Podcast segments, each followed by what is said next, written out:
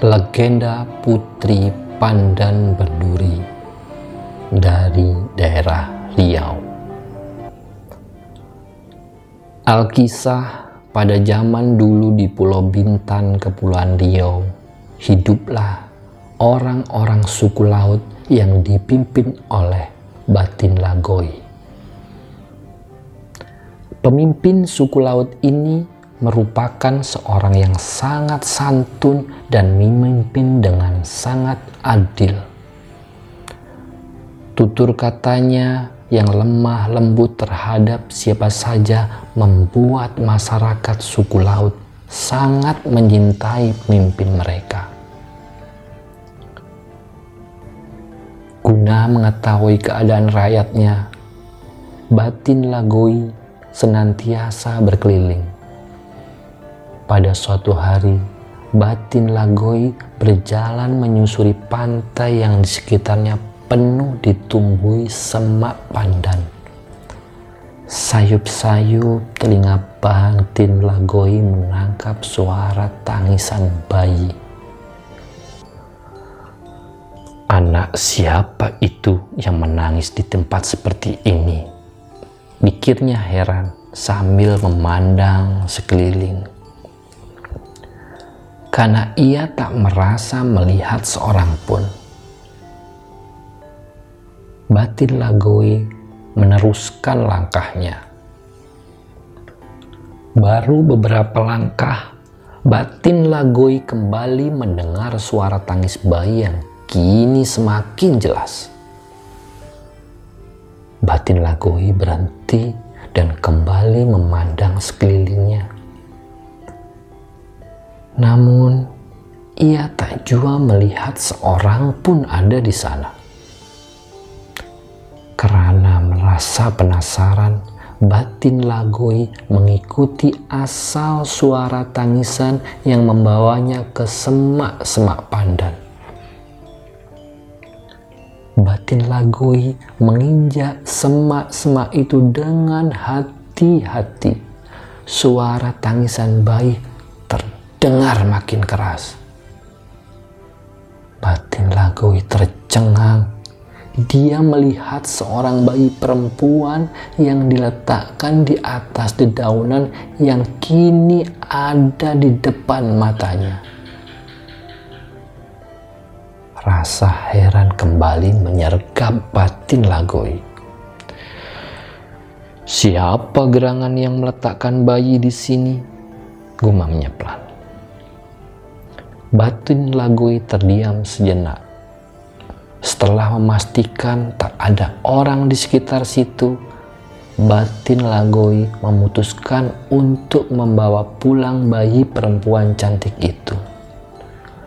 Sang bayi pun berhenti menangis ketika Batin Lagoi menggendongnya.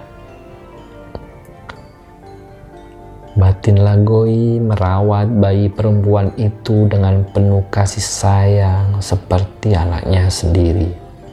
Terkadang ia merasa bayi itu memang diberikan Tuhan untuknya. Bayi perempuan itu akhirnya diberi nama Putri Pandan Berduri dan ternyata sangat membawa kebahagiaan bagi batin Lagoi yang selama ini hidup seorang diri.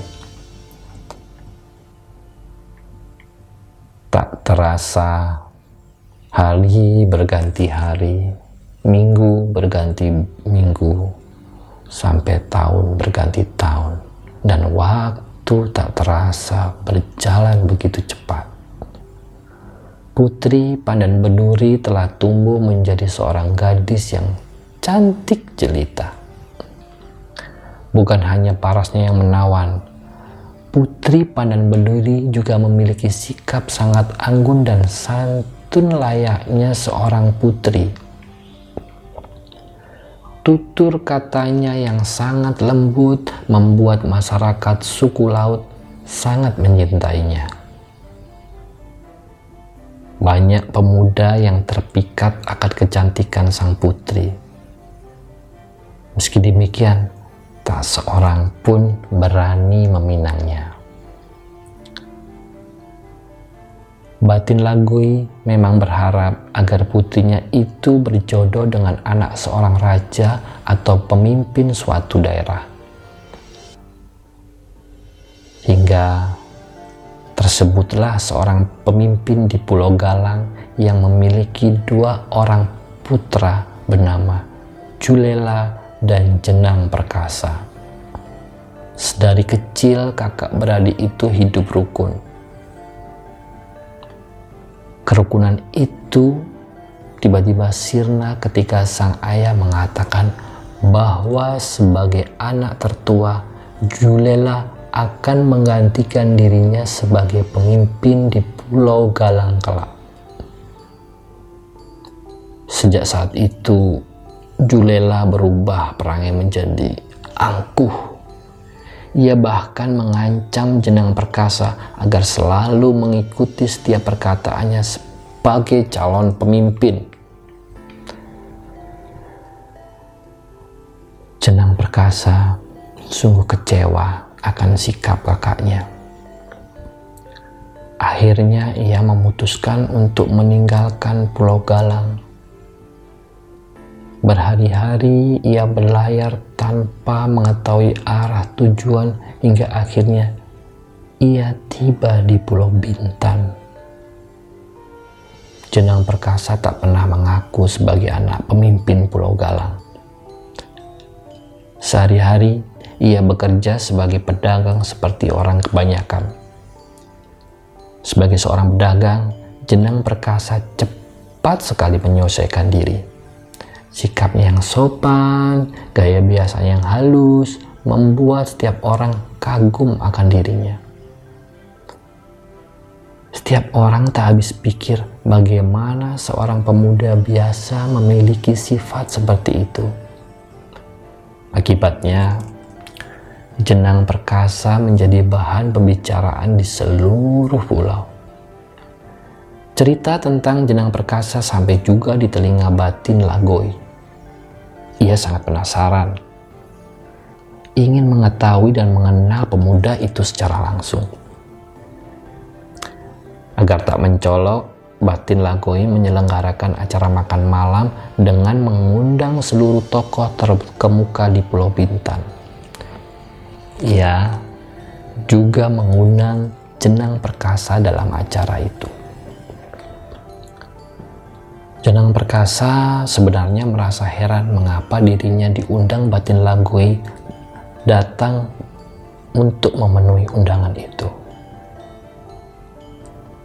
Sejak kedatangannya, Baton Lagoi senantiasa memperhatikan gerak-gerik jenang perkasa.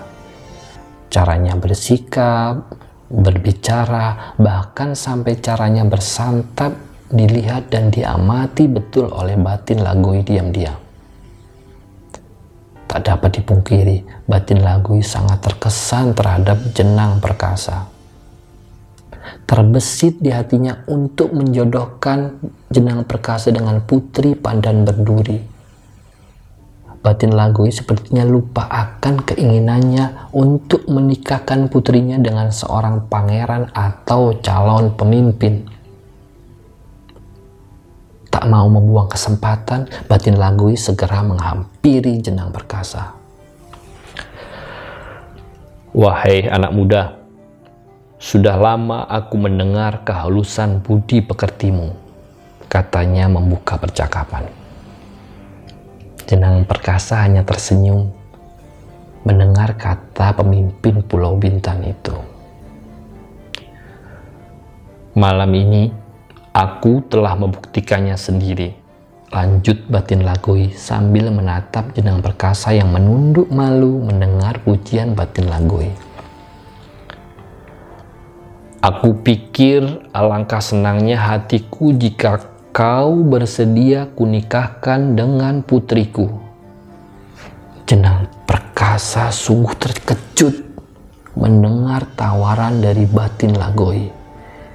Ia mengusap-usap lengannya untuk memastikan dirinya memang tidak sedang bermimpi.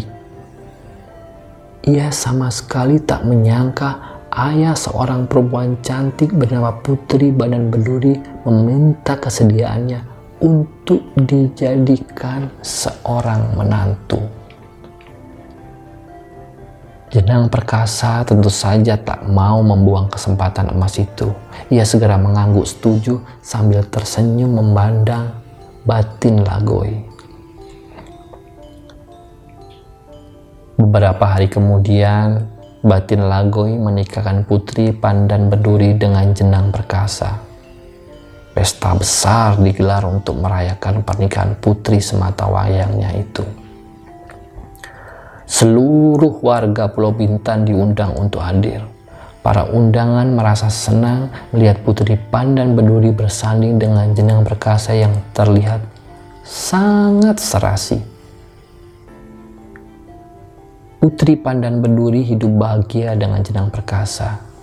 Apalagi tak lama kemudian batin Lagoi yang merasa sudah tua mengangkat menantunya untuk menggantikannya menjadi pemimpin di Pulau Bintan.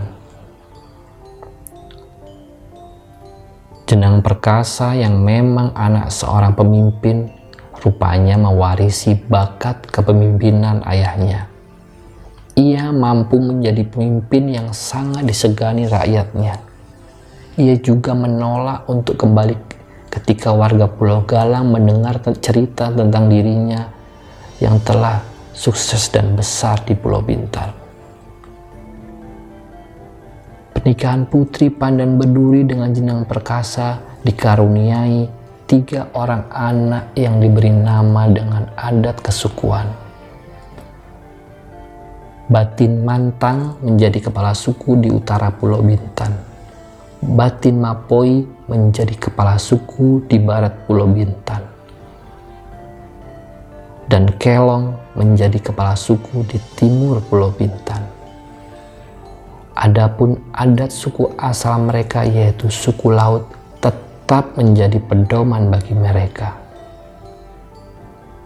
Hingga kini, Putri Pandan Berduri dan Jenang Perkasa yang telah lama tiada masih tetap dikenang oleh suku laut di perairan Pulau Bintang.